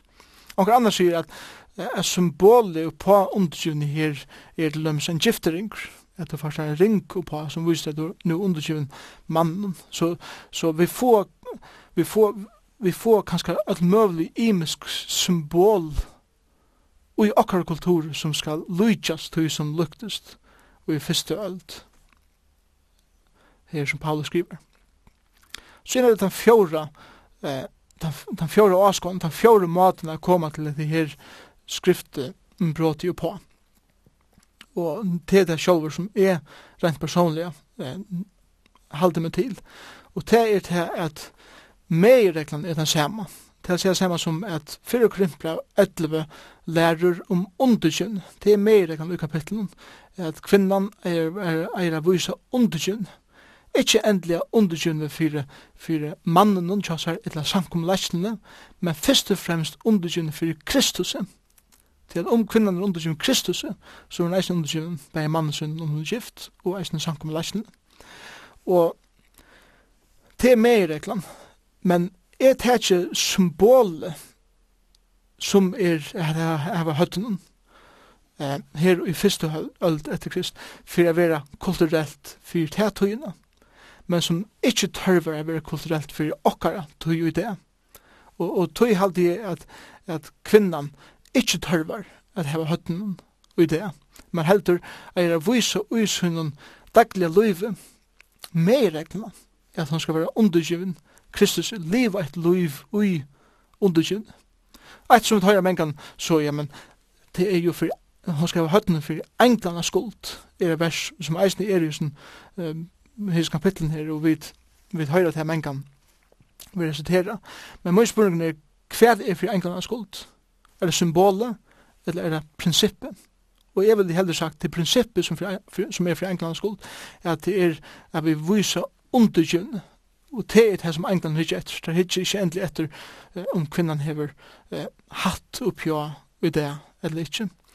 Det var så i Korint at kvinnerna ui de heiten tempelen som selte seg sjåver som skøtjer høyte har lest og flaksamt og Paulus sier her fri tid ikke skulle lytja skøtjen i tempelen så vil jeg hava tid sutja annerleis ut enn kvinnan som selte seg sjåver ui skøtjelevne til sutja annerleis ut Det er ikke, ikke lujast heimen. Det er ikke, andre skal komme halde at tid er kvinner som bare selger til dem sjolvar, og, og hitja så er snir av dem. Men tid er kvinner som, som nu ber et symbol på at tid er tekne egne mannen undersynar, at tid er først og fremst Kristus er undersynar. Om vi teka til eh, symbolet til okkar det er i det, så vil jeg sagt at en kvinna er først og fremst at visa i hennar elbore, at hon er Kristus undergiven, om hun er gift, at hon viser at mannesen undergiven, at hon viser eisen at hon er sankum og leisten undergiven, og i det sankum som gonger ui. Samtidig eier hon at visa rent symbolst at hon er en, en teknalig kvinna. Til å si det samme som at hon eier at hukse om hvordan leti jeg sjå hvordan gengi er uiladen dagligt. Fer jeg gen, gengi uiladen som om at jeg er, er lujtjes ene som har hu at visa eh, stora parstra av min kropp, eller gjerra til at menn fer at hitja etter mer, er menn som kanskje har ære koner, og så videre. Her eier en kvinna være ekvile vys og omhugsen kusjon, hon leder seg ui. Det er det som Paulus tåsar om her eisene. Ikke, ikke lær den nærkan hukse om at du røyner selja det, at du, at du røyner at, at vysa det snakk som møvlet, men heldre hukse om at vi er Kristus undergiven. Og det som Paulus sier her, i åkken det er kvinna, er loivet her, er lottaka allment i bønnen og eisne at er lota eh, av åren og i samkommende, men let det være gjørst vi tog hukkbornen og, og eisne vi tog utstraling at du viser undergjøn, at du undergjøn til sjåan fyrst Kristus som kommer avspeklast ut henne daglige løyve framfor asjon menneskjans og framfor asjon gods. Det er det samme som er god hikker ikke i det etter det. Så jeg heldig ikke enklere hikker det etter en kvinne som, som hever hatt høtten eller også høtten og sier, og så sier der hatt det virkelig deilig, så ikke hun, hun har hatt, hatt høtten, men som kanskje heima slett ikke mannen undergiven, eller som kanskje slett ikke sank om myndelagen undergiven. Men det er sikkert god hikker etter en kvinne i det, som er og som engler hittir en kvinne i det, som sulta sutja, heter en kvinna som ei kjenner stakle av at hun er kristus undersjøen, at hun er sankum og lesl undersjøen, mannesen undersjøen, og så kan det gjøre samme om hun hever høtte dekka, eller ikke. Hvordan er hjärsta, hvordan er meir er han brukt, og, og, og, og hvordan er avspeklast her, så i okkara ekna kulturer, som nekka som er silet, nekka som er godt.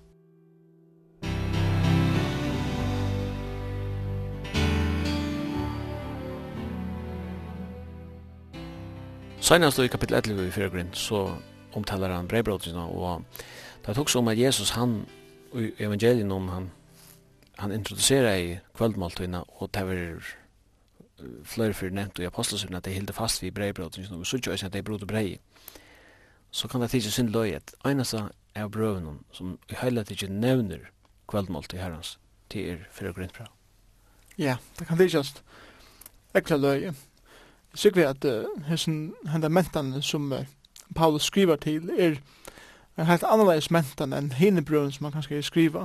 Eh, det er hukk som til sankunnar seiler som var i Lutla Asien. Eh, og så kommer man knappt en større på her, men så, så så viser det seg at han, han nevner at det her er til at det er en avvist trobeleidje vi kvöldmåltiden, og kanskje vær det er ikke en trobeleis i hinun samkommet som han skriver til, og tog var ikke tørver å skriva om brevbrødningene.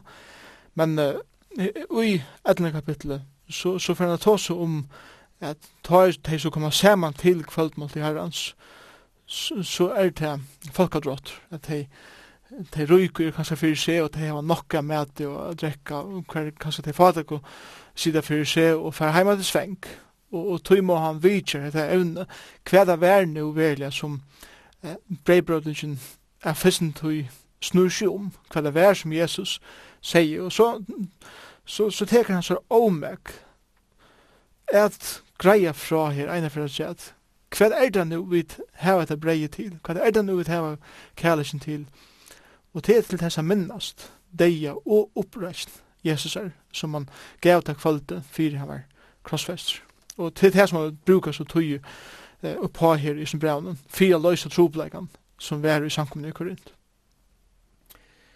Da vi kommer langt ut i Korintbrevet, nå er vi om kapittel 12 og 14, så omtaler han ter andalige nøyegavner, og det er også et minifelt, sier man, det er innenfor kristne høydene.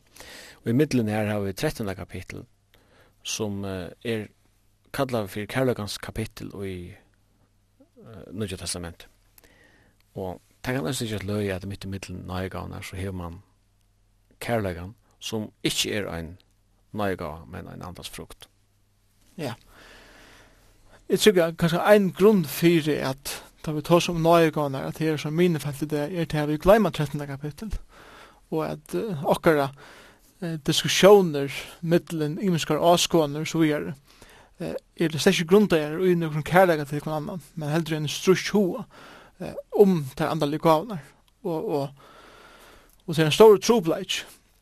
Og jeg tykker at grunnen til fyrir at Paulus her i middelen 12 og 14 kapittel, hver han tåsar om nøyegavnar, hver han tåsar om så gavnar som anden hever givet menneskjen til tess at ut innan det arbeid som han ikke i jøgne mennesker, her gjør vi. Så ser han 13 kapittel midt inn i middelen for jeg viser at alt det som vi sier må være grunnt av dette her, og det er kærleikken, hin hin menkan bedre veveren. Og som du sier, så er kærleikje ein avvokstur andans, og han er den fyrste avvoksten som vi nevntur i Galaterbraunen, kapittel 5.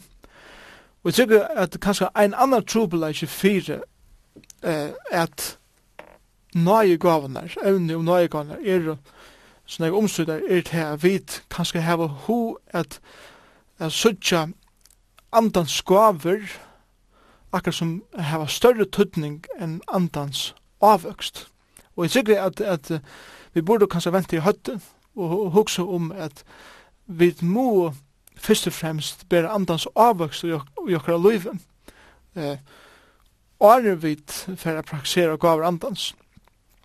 Grunnen for å si det her er det, er han at det er møvelet at praktisera de andalige gavene, det er at gjøre det imenska som, som andre gjør okkon gaver til å kunne gjøre, og her også om, om det imiske tjenestene som han nevner i her beint, at heva eh, jeg kunne tale året, jeg kunne lære, tunge tale, eh, hva som det skal være, til, til møvlet at utføre det her, utgjenne det her, rent praktisk i min liv, utan at hele anden verlig hever det i min liv, vi kan bare, bare gjøre en utforskjennes, Men det er omöjligt at, at bära andans avvøkst utan at det här är vi god regler.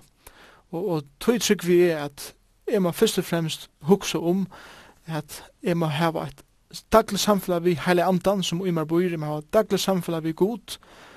Det kommer at avvurska min huksnarhått, min talihått, min livihått, av, eller vi, vi gav om eh, heile andans som, eh, som man tåsar om i Kalaterbraun. Og vi tar at jeg nevnt der her i Kalaterbraun 5, avvokser andans er kærleidje, glede, frigjur, lengma og mildleidje, gøska, trofast, spekfyrje, frahalt. Det er som er eikjennet til menneska som som er størst av andra gods, som er, som er avhaldende fyllt av andra gods. Og til den samme anden som gjever okkom til eh, nøye gavanar, til til seg ut inna til arbeid som skal gjeras rent praktiskt, ui samkommende, og likamen, Kristi likamen, fyrir at vi kunne utdanne det verk som god til å kalla til her i jord.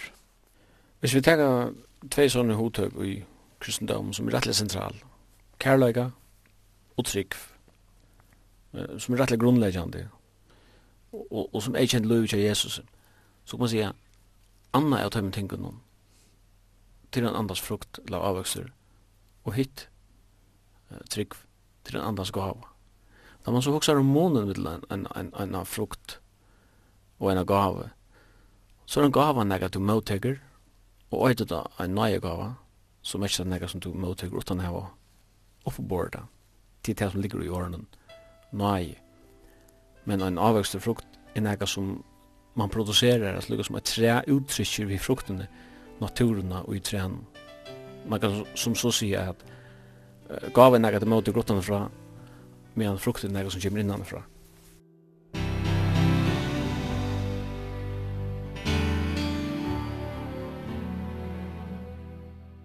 Ta vi hitje i kapittel 12 i fyrsta grindbrev, så sørger vi hva et endamal er vi nøygan. Her stender, men øynene og kvarren ver åpenbering antans given til te som gagnet er. Og så sier vi i vers 11, Alt hetta virkar hin ein og sami ante som etter vilja sunnun bøtur ein og kvarjan fyrir seg. Hvis man hikker etter hvert endamal vi nøyegavn så er endamal helt klart til oppbygging. Ja, det er ungen evig ui ui tui. Endamal vi nøyegavn som man sier her bent er, er det her vi kunne vi kunne oppbyggjast, vi kunne just ui ui okkar tænast som sankommer og, og god hever så brukt henda, han har valgt å bruke henda maten, at uh, gjør okkur særlig gaver, altså, ta jo eit menneske kommer til tryggvara Jesus Kristus, så vil han føtte av nudgen og fernagar gaver som anden ræver kjold fyrir hver gaver han djever, og, og, og alt etter som anden djever, ein, ein gaver, til her gavene som, som eit menneske som er født av nudgen fer, og enda mal vi time gavene er ikke bare bruka for seg sjølvan, Men for jeg viser også at vi er et likam hva Kristus er høtte, og vi har et bruk for hver nøren, og for at alt likam skal fungere, som han tar seg om her ui eh, for okkur en 12. Så må, vi, så må alle limene arbeide sammen, for at ut inna til oppgavene som, som god til å give okkur, at, at utføre ui, ui likam. Og til gavene er sånn det, ekkelig imeskar. Jeg sikker vi anken du finnes jo alle gavene, og ønsken finnes onka. Ødla har finnes minst eina, men ønsken finnes ikke atler. Og, og man eier ikkje at hitja nyer og nekrar nøygaver til at atler er her fyrir at likamen skal fungera. Og til en trobla ikke mengan ui, ui okkara menneskjalliga huksnar at jeg vid hugsa om nøygaver som om at anker er større enn er, Men det som Paulus faktisk argumenterer i kapitlen er til at at uh, lukka mykje om det er større og luttler, så er det alle her fire at lika man kan fungera. Og til endamålet vi nøygon, fire at lika man kan fungera, og ut innan det som god har sett sitt lika, det er samkommen her gjør til at utin. Det sender i fyrsta grunn på i fyrsta kapitlet er at her sier Paulus vi, vi samkomna, til stand ikke atalli og nærere enn haeg, men det av åpenbering her okkar Jesu Krist. Så eh, sammanlokna vi er her samkomna, så tids det som en haeg han fungerer vel i Korint. Og han sier som så, han ikke ringt om det, tvers som møte, men han anvender bare her om det som er at her var det rette nuslene av du, og ikke at misbruka det. Ja, jeg hadde området at jeg vil skilje akkurat det her som du sier her. Jeg sier at jeg har hittet etter samkomne i Korint så hadde vi vært utrolig imponeret av å sutja samkomne. altså utanifra så jeg, han nevner alle så gavene som han nevner her så heter eh, den langste listen av nøyegående som blir given og innutjettesment eh, gavevariasjon det er som nevner i rombraunen og eisne i Efsusbraunen og i Petsbraunen her var nøyegående nevner men det er akkurat som at her i Korinter så utrolig nekvar samleier Og tar vi hitje etter sin listen som vi heva av nøyegån her i krymt brøvnen, og eisen i Rambrand 12, i Østbran 4, og i Petsbrøvnen, så er det akkurat som at det er nekker lister som er setter opp som akkurat som en en vedlæring til imse gaver. Jeg trykker ikke at, at hette er gavene og ångar er der. Jeg trykker at hele anden gjever og endelige gaver, kan man godt si, til disse brukene. Og hette er bare eh, akkur som nega rammar som han sette opp. Her høyde det alt, men trobeleisen i Korint var den samme trobeleisen som det høyde til det at de misbrukte det som de finnes og, og, og løttes forståren dent av akkurst og luttland dent av akkurst anna som gjør det at jaun var var ikke ui tar nuslo av nøygan.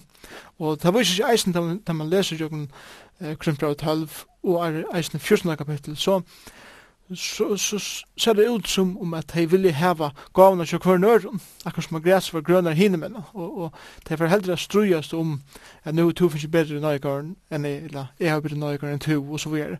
Og Paulus sier her, til, til fokusera pura skreft til, til fokusera på hvordan ter gavnar som her nu givet samkomne her i Korint som er lika, hvordan tid best kunne utføre og utdina ter nøyeganer her i lika, og ikke struja som hvor skulle heva hver nøyegan, men heldur at acceptera ter ganer som det finnes, utarbeida der, eh, vaksa om der, og læra meir meir om ter ganer som det finnes, og så bruka der eh, samkomne til frema.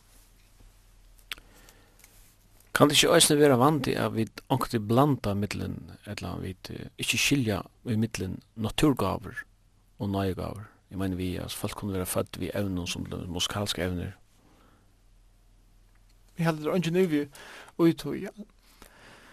Jeg pleier, jeg pleier å si det så at uh, alle gaver som, som vi da finner, til å si det samme som bæge andalige gaver, og naturtalent, som vi kallar det det, er det faktisk nøye gaver. Um, ein musiker som hever gaven er at, at frambera framurskerande tonelike, ein, ein iskjar som du er at iskja, ein høvendur som du er vel a skriva, ein matematikar som du er vel a rokna, ein ein kokkur som du er vel at gjøre med, ein timper med vel husosmyr som du er vel at arbeida vi vi, eller om det er en silversmil, eller guldsmil, eller, eller hver er gav eller naturalen som skal være, er jo nøye gav.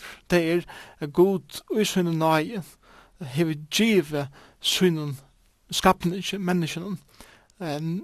Ja, hekkene, førleikar, at dova, at gjere imest. Og, og vi må ikke glemme at det er gaver for god, og, og som god gjever, öll menneskjon, öll mennesker heva onkra förlägar som eh, de doa vel til. Det er ingen ivium til, og det er fantastiskt at sutja hvordan nek mennesker doa vel imest. Andalig gavunar eh, trygg vi eisen kan vera eh, förlägar, men som er nu brudje ui en, ui en eh, øren kan man godt sija og i øre omstøven. Nå er enda mal vi vi munnen gaven som tonleikar lømmes. Nå er det her blivet at jeg ikke er dyr med det godvittig, og så lest blir det en andalig gava. Men her er det så gjever her noen eisenleikar andalige gaver, ta vi var født av nudgen, som, som vi kanskje ikke høyde av åren, vid, vid, uh, var født av nudgen, til at kunne utvinna et kjeleversk. Men jeg tykker at jeg hittir etter, bare hittir etter meg sjolven, så, så trykker vi at var at han gavom som er brudje for herren det er eisne naturtalent som, som vi har.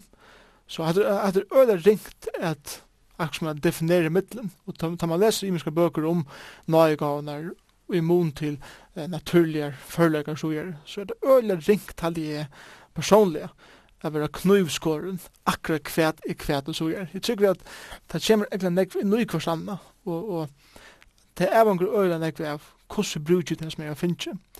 Men her at jeg skal sigast, at måneren er, er alltid han at er du et badengods eller ikke, til at folk som enda ikke hører gode til, kunne godt være gode muskar, kunne godt doa vel, og han nekvar, nekvar veldig forleggar. Men til ikke andalega gaver, at jeg bruker det ikke i en andalig, eh, kan man sige, perspektiv, andalig liv, her er ikke andalig liv, tjene som ikke hever et samfunn vi god, og som ikke hever eh, heile andan nøyser. Og, og tog kunne det her ikke heva andalega gaver, men hver ein som er født av nudgen, som fer anda gods, eh, at han teker bostog i einen, han fer gaver av bruka for herran, og teker sånne naturlige førleikar, og bruka det her eisne til er for herran. Så her er kanskje, kanskje moneren, den største moneren av det. Tals seg jo i en bra tøtning, kan man säga så er eh, alt det vi får en, en nøyga. Ja. Bibelen sier til dem i stedet, han som har funnet en kone finner ut lukken og finner nøyga fra herren. Ja. Kjalt hon er omfattet om en nøyga. Hvis vi fer til kapitel 13, som er kærligans kapitel i menga bedre veren, så er anker sammenlukkene kapitel 13 vi en, et uilad, en kurv, som du kan hava gavnar ui. Gavnar har anga tøytning til at det er 90 åttan du har negat at hava der ui. Og Her nevner han tan øyna av andans avvøksen som du langt hever inne på, og det er kærleikken. Han sier at eh, om vi så taler vi tungt om menneska og engla, men vi ikke kærleika, er det våren ljåmande malmur, eller klingande bjella. Om vi så hever profetaga og kjenner ötlandamal, og i allan kunnskap, og om vi så har vi alla trygg, så vi kan flyta fjall, men vi ikke kærleika, er i åndsjum og så køyrer han kapitlen og tåsar om kærleikan, og så tar han så kjem inn i 14. kapitel og tåsar atter om nøygan, så sier han, stevn etter kærleikan og trai etter hinn andalig og han helst etter å profitera. Så han eh, skapar sambindningar i med den viktigaste andagsfruktene som er kærleikan, og så tar etter nuslina nøygan, nøygan må ha et eller annet vi ui. Ja, det er en virkelig god mynd, alt det som du brukar her. Nøygan må alltid se det samband, vi tar en nøslo, hvordan bruker jeg mine nærgaver. Og det som han sier i 13. kapitlet er til at at jeg må avmenn vikon er til at tid praktisera tekkar andalige gaver utan et uillet og, og til slantje bare vitt som om at eh, det ikke har nekka samband vi, vi, vi nekka liv og liv som en andan skava må eksistere og er grund og kærlegan og han sier han, øyla så gav myndir som han brukar her om vi taler vi tunga menneska og enkla, og har vi ikke kærleika, så er det en ljående molmer eller klinkande bjøtla, og det, det som han hoksar fyrir seg her er, er, er tónleikur som vil framboren utan nekran struktur og det er bare slie eh, at vi, vi, vi ongun struktur og i på nekran mat. Til det er vittlest, sier han og såleis hava tid hava tikkar og gaver om det ikke er kærleikan ongan tutning, det er vittleser, og det høyre ikke heimanleger senere, til det som han sier. Men om vi så har profetagave, kjenner alle landa med, alle alle kunnskap, vi har alle sik, så kan fylla fjøt med, hvis kærlega, er jo ønsk. Om vi så burde ut fadragen til føye alt det jeg eie, og det like mot være brent, så han fyrer allan vegin til at gjevast egna liv, men hvis det ikke grunda kærlekan, så sier han, så sier han, så sier akkurat det samme, det er sier han, alt man grunda seg kærleikan. Og kærleikan som man brukar her, året er agape kærleikan, det er hessen treidarleise sjolv uppoffrande kærleikan som ikkje krever nek at det fire at djeva.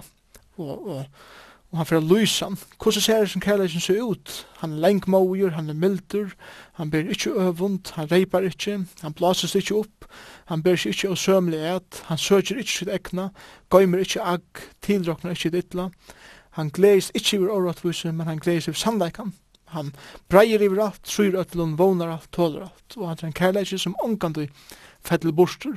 Det vil si samme som han er tredjeleiser, han avhanger ikkje av nøkken øren, og han eikjennes av nøkken som er godt, og som er, som er opp, eller til oppbygging. Og så kommer han til, til første kapittel og sier, hette det først og fremst til stevne etter. Og ta og til det var hette og ilat, så fer alt hitt a finna sitt rett, retta plås og god fer at fer a signa det, og det fer vel oppbygging for likame, og likame kan gjere det verk som det kallar til, og til at nå ut til mennesker som er utan Kristus i sin heim. Vi sørger nøygaver som Luthanansgaver, han nevner apostlar, profetar, hirar, evangelister og lærere, og så kom andre ting som eh, for eksempel um, kraftager, gaver, gruva og tungkotella og utletting og så framvis. Men tackar vi tennas och gavna så eh, gänga där attor i Efesos-breven som du vart inne på av Jan. Og apostelen Paulus, han er vel en dømme om en apostel, og det var en nøygav. Ja, apostelen var, var, var en nøygav.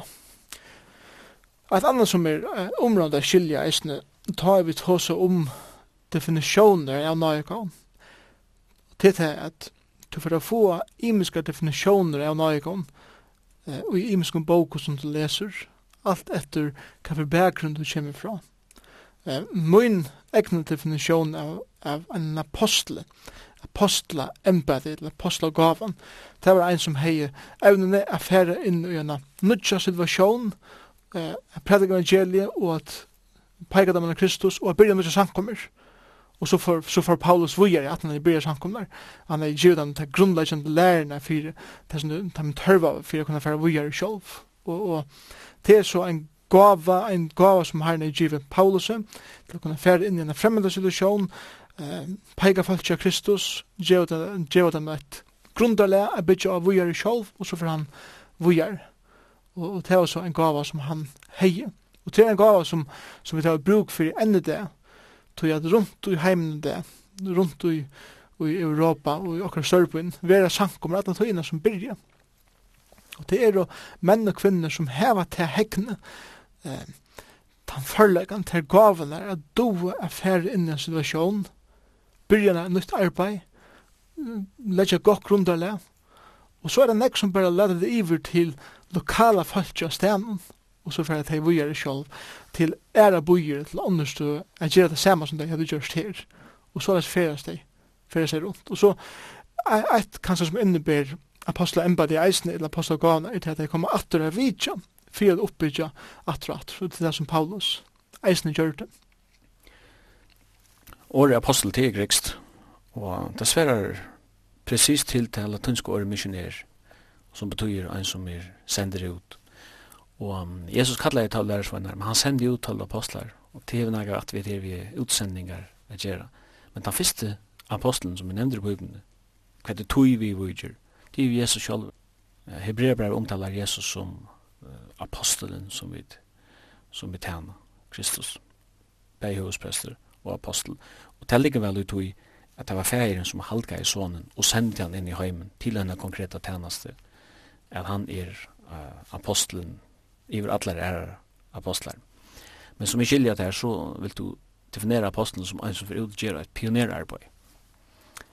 Ja, alltså som du sier her, opprunalige tydningene av apostelos av greskon er at vi er sendt ut, er sendt ut.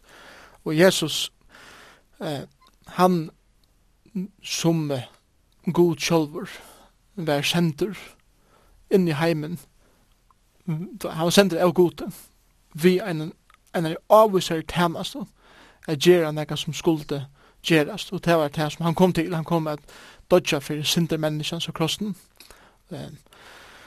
man kan godt sige at, at det er det primæra som apostla år mestur jeg var sendt ut ta Jesus sendte ut sine apostlar så var det at prædika om det som Jesus kom at gjera og at prædika eh, om rujtje, og der prater av at den er Jesus var deir og opprisen, om deir og Jesus her. Tan båskapen må være sett i samband vi eh, nega som er lokalt og omkring sted. Og til det som inneber, til det som vi er innebär, hessa definisjonen av en apostel, han er sendur, men han er sendur vi nøkron til nega og tog definerer det til at, at en, en apostel er en som er senter vi en bådskapet til at avvist det, til at gjøre et avvist, avvist versk. Og det er som oftast ui pioner eh, tæna som pioner ungkvarven, hver kanskje ingen annar har veri fyrr. Eh, det sier grunta av eh, Paulus.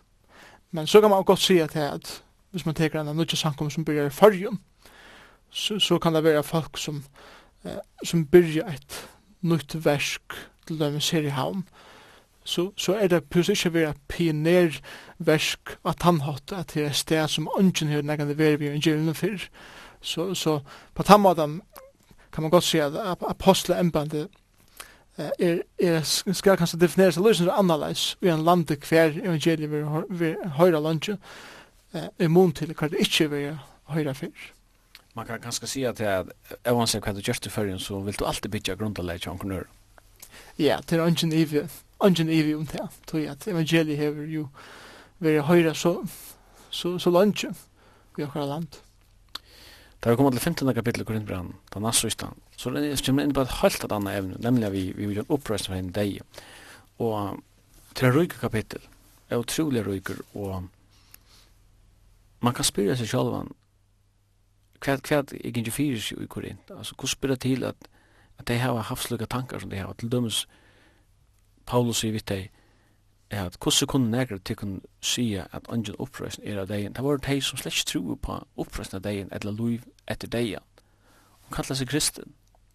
At det er ringt til åkna sitt åkken inn i, tog man kan nær sagt si at, at er du ikke, er, tror du ikke på liv etter degen, så berattet det ikke at du kallar deg kristen. Det er grundaleg under kristendom til oppresten Jesu Krist, til det han sier i begynnelsen av kapitlet. Jeg tror vi at, at en, en bøyer som korrent, da du husker om hva for avvarskan bøyer hei utanifra, så, så har vi det her sjående eisen hoa krupa inn i samkommende. Øtlen den avvarskanen utanifra, vi, vi nevnte dette intellektuelle fralse som de, som de yngste heva, og, og, og det er kan sikkert eisen hent at onkur bare koma inn við ein hugsan nú fer eg koma við ein intellektuell teori um at det er kanska ungen uppreist Og, og så er soar ein kanskje et, et ivamal ui hugsan til at han tryggvant.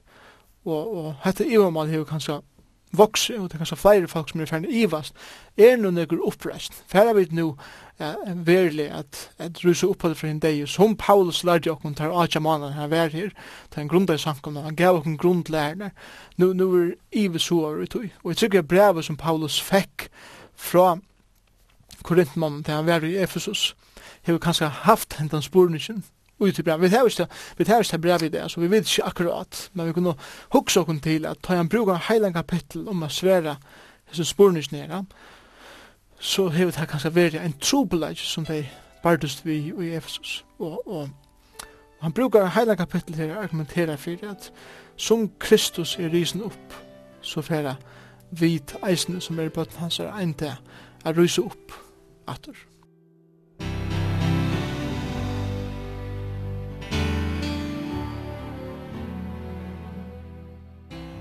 Da man kommer til enden av breven, så ser man at hjertet tja Paulus, det slær høyt for samkomne lykka. Man kan si alt brev i jøkken, og de aller sørste ørene i breven sier han, Kærleggje moin er vittig vittikon ødlan og i Kristi Jesus. Det sier hver størst plass til høyt i hjertet av du som skriver i brev. Jeg tykker at Paulus har haft et særligt samfunn vi samkomne i Korint.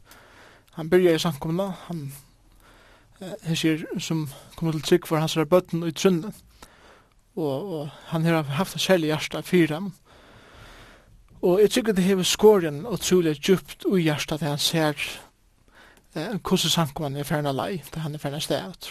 Og, og han har brukt her eh, 16 heile kapitler at vysa dem og hvordan det er livet sitt liv. Han, han er akkurat som eh, som en pappa som har vært bortsatt, og han innskjer at bøtten ikke skulle fylles ved herren, og han, han, han råper djubas i sin sal. Han hjelper dem, han vil at han til hjelp. Og til ikke iva så at da vi kommer her til, til 16. kapittel, så, så er det som en feir som dratter sine armar ut, jeg hjelper sine bøtten, og, og til han, og han la dem, han fyrir kjøtt å komme til der at jeg viser det og hjelpe dem enda mer, så han ikke bare vil her eh, fra frastadur i brev form, han vil her sammen med dem andre landet.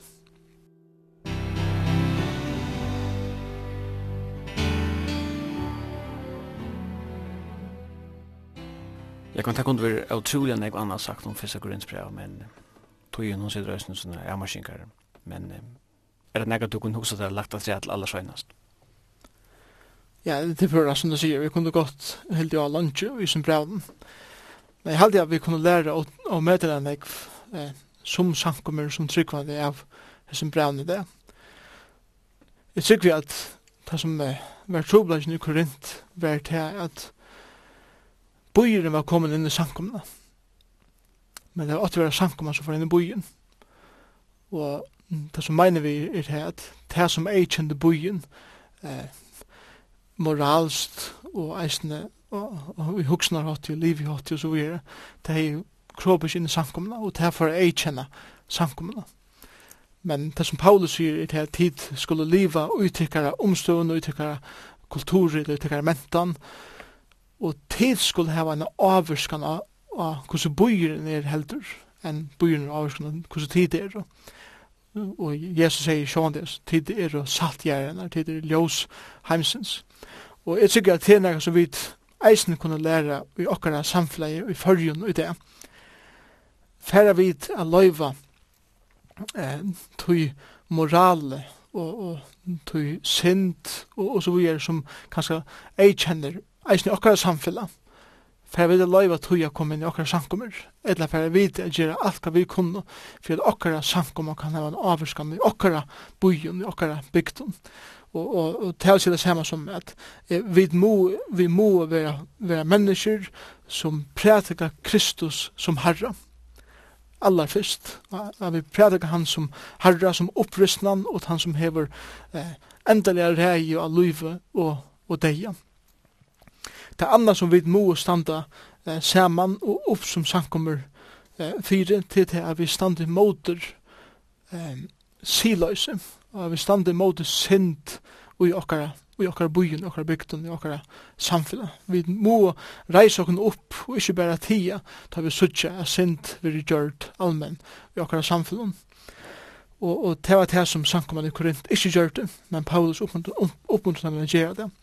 Det tredje som vi eisne må eikjennes er som samkommer til at ikkje a loiva sjålsøkne og egoisme er komme inn i okra samkommer, hver bare hukse om okra sjålv, men heldur er vysa kristnan kærleika og leta det utspeklast og utstråla fra okra livet som tryggvann og som samkommer i okkara bojen, at vi elska mennesker, at vi samtidig som vi standa opp og tale modus hint, samtidig som vi standa opp og tala Jesus Kristus som einast av ved til frelstu og som einast i okkara livet, så må vi det eisne heva utvendare armar, elskande armar, som er spegla kærlega Kristusar til okkara eh, folk, til okkara samfella, til okkara medmennesker. Og jeg tror, jeg tror vi at, at det er det som fer at vinna mennesker og i okkara, og i okkara samfunnet, at vi vi predikar Kristus som Paulus sier her, at han er opprisen, og tog kunne vi være vis i at han er eisende han som gjør okkur liv i det, tog at vi, vi bygger okkara trygg, okkara vogn, og okkara sier og en livande frelsare, og en livande herre, til han som vi boa, vi boa Jesus Kristus som lever det, som er føre for at djeva inn og kvarjon liv, et nytt liv som kommer til ham. Og, og det er bådskaper som Paulus eisen djever korintmannen. Suttje mennesker som er vedlet av fortapelse, prædde ikke Jesus fire teimen, og det skal vi eisen gjøre her det. At Jesus Kristus, han teker imot Hverjum det skal være, lykka mykje hos løyvdøyt ser ut, så er han han som sier at jeg er risen opp, jeg er han som har valgt av deianon, jeg er han som har valgt at fyrir jo sinter og jeg innskje at fyrir jo at her finna sinter om to vil komme til moin og være rensavur, og sutja det sjåan som er sinter Jeg er han som skal gjeva til nytt liv, jeg er han som skal rensa det, jeg er han som skal være vitt her. Alla vegin til endan. Og det er båskaperen som Paulus djever og i det.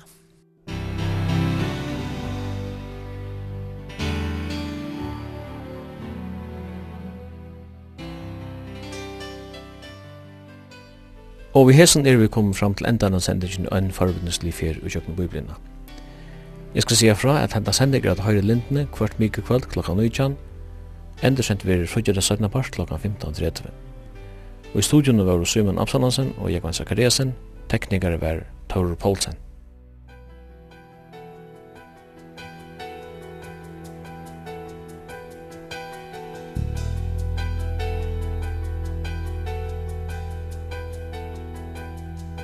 When he rose up the sleeves, he ain't just putting on the